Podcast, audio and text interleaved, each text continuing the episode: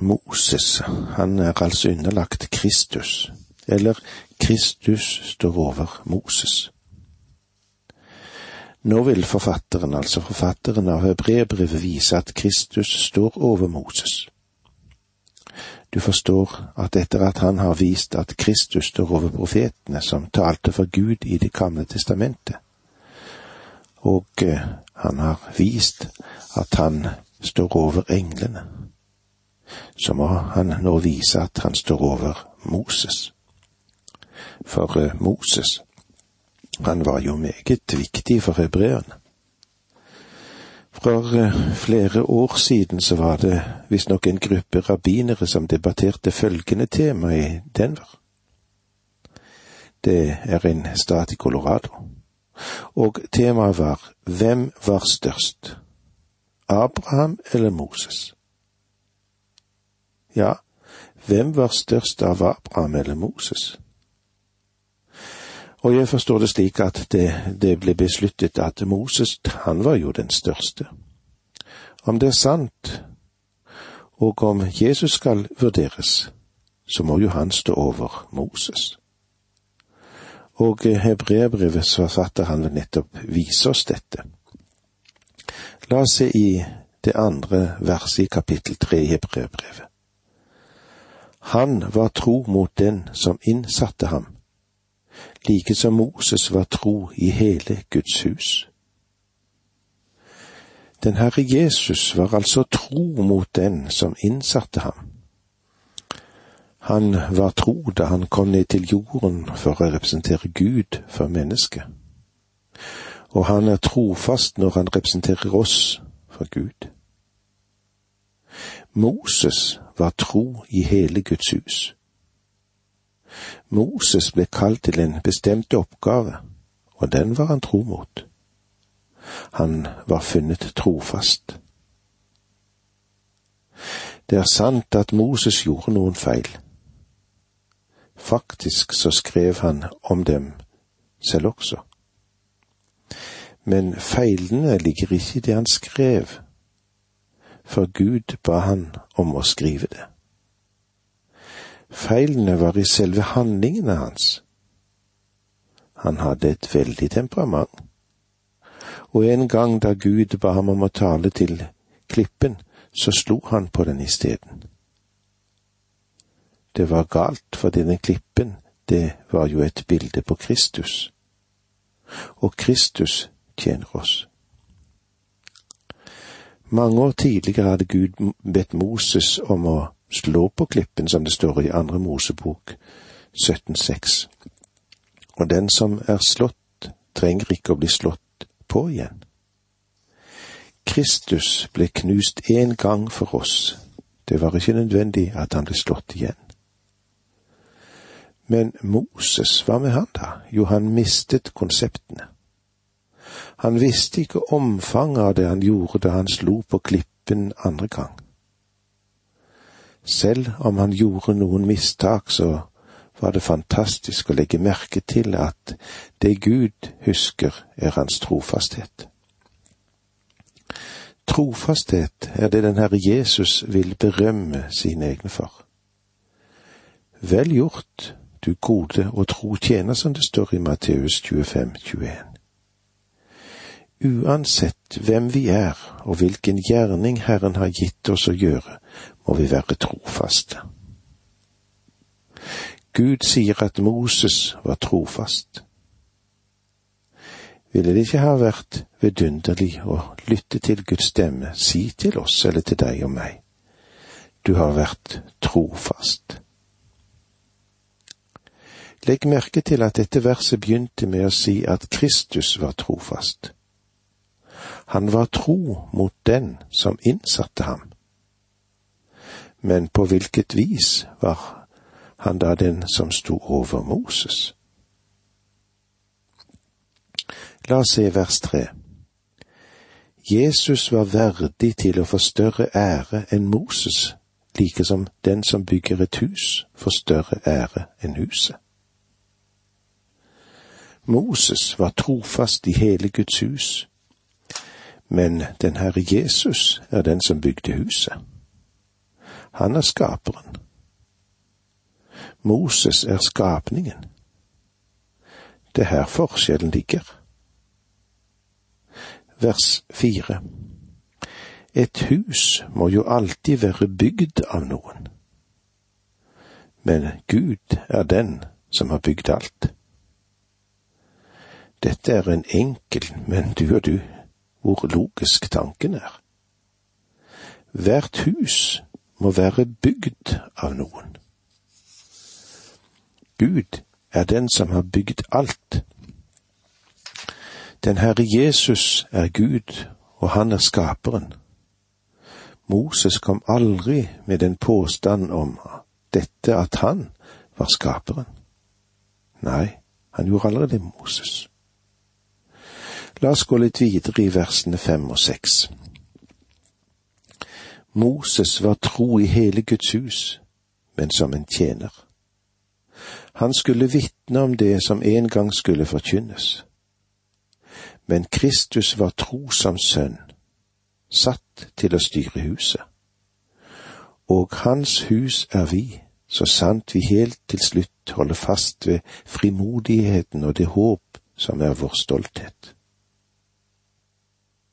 Det er ikke bare slik at Kristus står over Moses ved det at han er skaperen, og at Moses er skapningen, men også ved det at det beste som kunne sies om Moses, var at han var Guds tjener. Moses han ble aldri kalt Guds sønn. Kristus er sønn av Gud. Og det er en ganske stor forskjell mellom sønnen i huset og tjeneren i huset. Så Kristus, han står over Moses på to områder. Kristus er skaperen, og han er sønnen. Og det er viktig for oss å se så sant vi helt til slutt holder fast ved frimodigheten og det håp som er vår stolthet. Med andre ord sies det her at om vi er Guds barn, og om vi har fått del i det himmelske kall, så vil vi være trofaste, og vi vil holde fast. Det er beviset for at vi er av Guds hus. For eksempel så sier Johannes dette i første Johannes brev 2,19. De er utgått fra oss, men de var ikke av oss. Hadde de vært det, da ville det de blitt hos oss. Slik skulle det bli klart at ikke alle er av oss. Jeg har alltid hatt en barnslig tro på at Gud har tillatt kulten å gro opp for å trekke ut av menigheten de som ikke er troende. Kultene tjener som Guds fordrivere. Beviset på at du er et Guds barn, er at du holder ut i tro. Det gjør deg ikke til et Guds barn, men det viser at du er et Guds barn. Om du er troende, så vil du holde fast ved dette ikke fordi du er i stand til det, men fordi han er i stand til å holde deg fast. På samme vis har jeg alltid brukt Bibelen som et grunnlag for å prøve dette ut. Om et menneske virkelig er et Guds barn, så vil det holde fast ved Guds ord. Og den som holder fast ved Guds ord, han vil elske Gud, og han vil elske Guds ord fordi han gjerne vil høre at far taler til seg. La oss nå følge videre denne kontrasten mellom Moses og den Herre Jesus Kristus. Både Moses og den Herre Jesus førte inn et etisk system. Det er det en generell enighet om. Selv blant de som står utenfor Jesu Kristi jord at Moses ga oss det største lovsystemet som noensinne er gitt, og at den Herre Jesus i bergpreken opprettet et veldig etisk system. Men det er en veldig stor forskjell på de to. Du skjønner at de lover som kom fra Gud gjennom Moses, hadde å gjøre med gjerninger og holdninger. Men da den Herre Jesus ga det vi kaller for bergprekenen, så begynner det med de fantastiske lovprisningene, saligprisningene. Salige er de rene av hjerte, for de skal se Gud. Så ser vi der at i stedet for å konsentrere seg om et handlingsmønster, så går dette på karakterer. Kristi etiske krav, atskilt fra den frelsende nåde i Kristus i hans døde oppstandelse, stiller frem et håpløst uoppnåelig system. Ja, det er disse tingene vi vil komme inn på når vi møtes igjen neste gang. Takk for nå, må Gud være med deg. Dette undervisningsprogrammet består av to deler. Åge Nevland fortsetter nå med andre del av dagens undervisning. Vi er i Hebreerbrevet. Vi er i det tredje kapitlet, og vi ser på hvordan Jesus er over Moses. I versene fem og seks leser vi Moses var tro i hele Guds hus, men som en tjener. Han skulle vitne om det som en gang skulle forkynnes. Men Kristus var tro som sønn, satt til å styre huset. Og hans hus er vi, så sant vi helt til slutt holder fast ved frimodigheten og det håp som er vår stolthet. Det vi får lov til å se her, er jo hvordan Moses fungerte. Han kom jo med de ti bud. La oss forsøke å se på kontrasten som det er mellom disse to. Både Moses og Jesus førte inn noe som vi bør ta hensyn til alle sammen, et etisk system. Og det er alle enige om. Selv de som står utenfor det vi kan kalle for kirkens vegger. At Moses ga oss det største lovsystem som noen gang er gitt, er det ingen tvil om. Og at Jesus, gjennom det han ga oss i bergpreken, det fikk vi òg et sterkt og myndig etisk system. Men det er en stor forskjell mellom disse to, mellom Moses og Jesus. Du skjønner at de lovene som kom fra Gud gjennom Moses, det hadde å gjøre med gjerninger og med holdninger. Men da Jesus ga oss dette veldige salige er de rene av hjerte, for de skal se Gud, så ser vi der at i stedet for å konsentrere seg om et handlingsmønster, så går dette på karakterer. Kristi etiske krav, som er skilt fra den frelsende nåde i Kristus, i hans død og i hans oppstandelse, stiller frem et håpløst uoppnåelig system. Bergpreken, skilt fra den forløsningen vi har i Kristus, ja, hva med den, da? Jo, den har skapt flere hyklere i kirken gjennom tiden enn noe annet. Menneskene i dag lærer bort den etikk bergpreken forkynner, og sier at vi skal holde budene. Det er det som er viktig. Vi skal holde budene i bergpreken. Bare gjennom forsoningen i Kristus kan vi hele tatt nærme oss dette. Da Gud talte gjennom Moses på toppen av Sinai-fjellet, så var det torden og lyn og jordskjelv, og så var det òg en stor frykt. Gud advarte folket og ba dem holde seg langt borte, ikke engang la buskapen berøre fjellet. Men i nådens tid har ikke Gud talt slik. Han har talt fra Golgata. På den høyden var det et kors, og på det korset der hang det en knust, såret, døende mann, som var mer enn en mann. Han var Gud og ved hans død på korset har nåden fra Gud strømmet ned til verden. Det er godt at vi kan prise Gud, at han ikke frelser oss ved lov. Om han hadde gjort det, da måtte vi ha erkjent at han hadde mislykkes, og så måtte vi ha dratt på vei for å finne en ny frelse. Nei, vi har grunn til å takke Gud at det ikke finnes noen annen vei til frelse enn den nådes vei som Gud tilbrakte da Jesus døde for oss på Kolgata kors. Så sant vi helt til slutt holder fast ved frimodigheten og det håp som er vår stolthet. Siden du er et Guds barn, så vil du fryde deg i håpet, det faste håp inntil enden. I sannhet, Jesus står over profetene. Han står over englene, og han overstiger Moses. Han er en vidunderlig frelser. Det er ikke rart at vi blir bedt om å se på ham. I Hebreerbrevet 3 blir vi bedt om å se på denne utsendingen, på denne overpresten, ypperste presten, Kristus.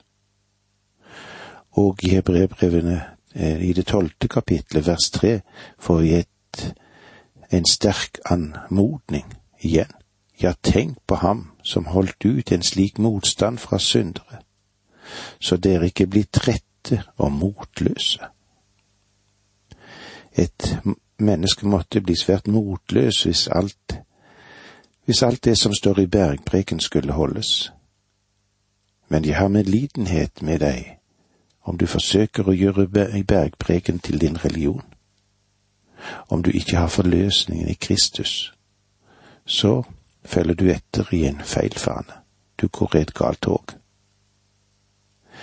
Vi skal se på ham dvele ved ham i hans menneskeskikkelse, se på ham i hans gjerninger, i hans verk på korset.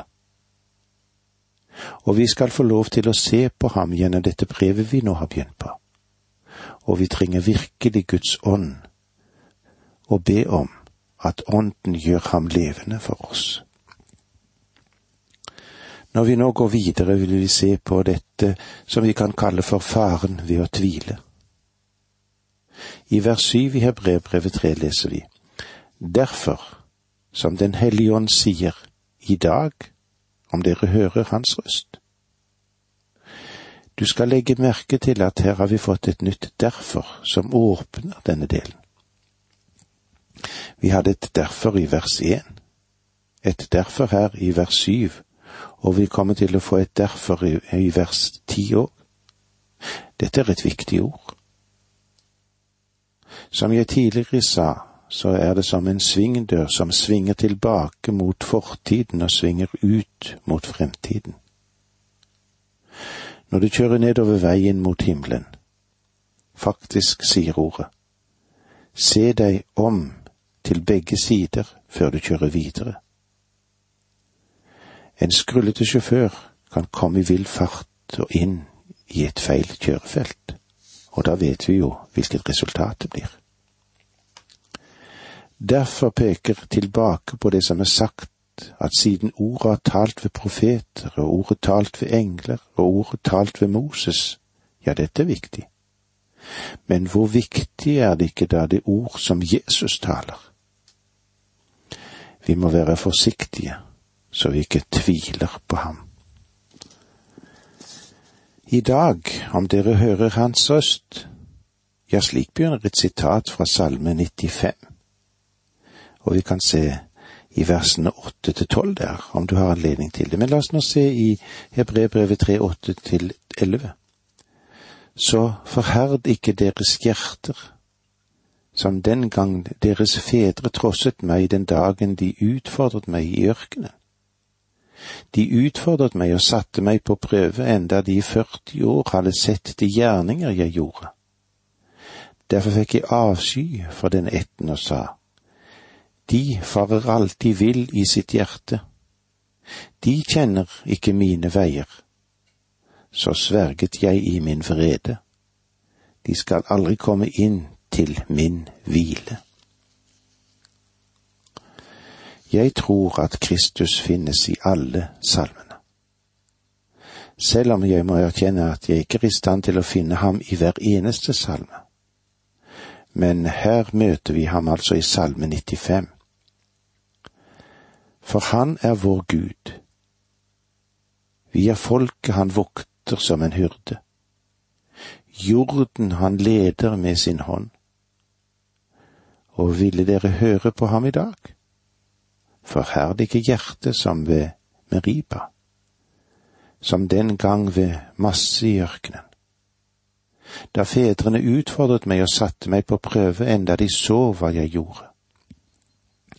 Jeg hadde avsky for denne ætten i 40 år, og jeg sa til dem, de er et folk som farer vill i sitt hjerte, de kjenner ikke mine veier. Så sverget jeg i min vrede, de skal aldri komme inn til min hvile. Hebreerbrevet 3, 7-11 tolker denne delen av salmen, altså av salme 95, og det er Israel som settes frem som et eksempel. La oss eh, se på dette et lite øyeblikk. Den generasjon av israelsfolket som kom ut av Egypt, tvilte på Gud, og på grunn av sin tvil fikk de aldri komme inn i Kanans land. De skal aldri komme inn til min hvile. Jeg har satt et strek under dette ordet hvile i min bibel.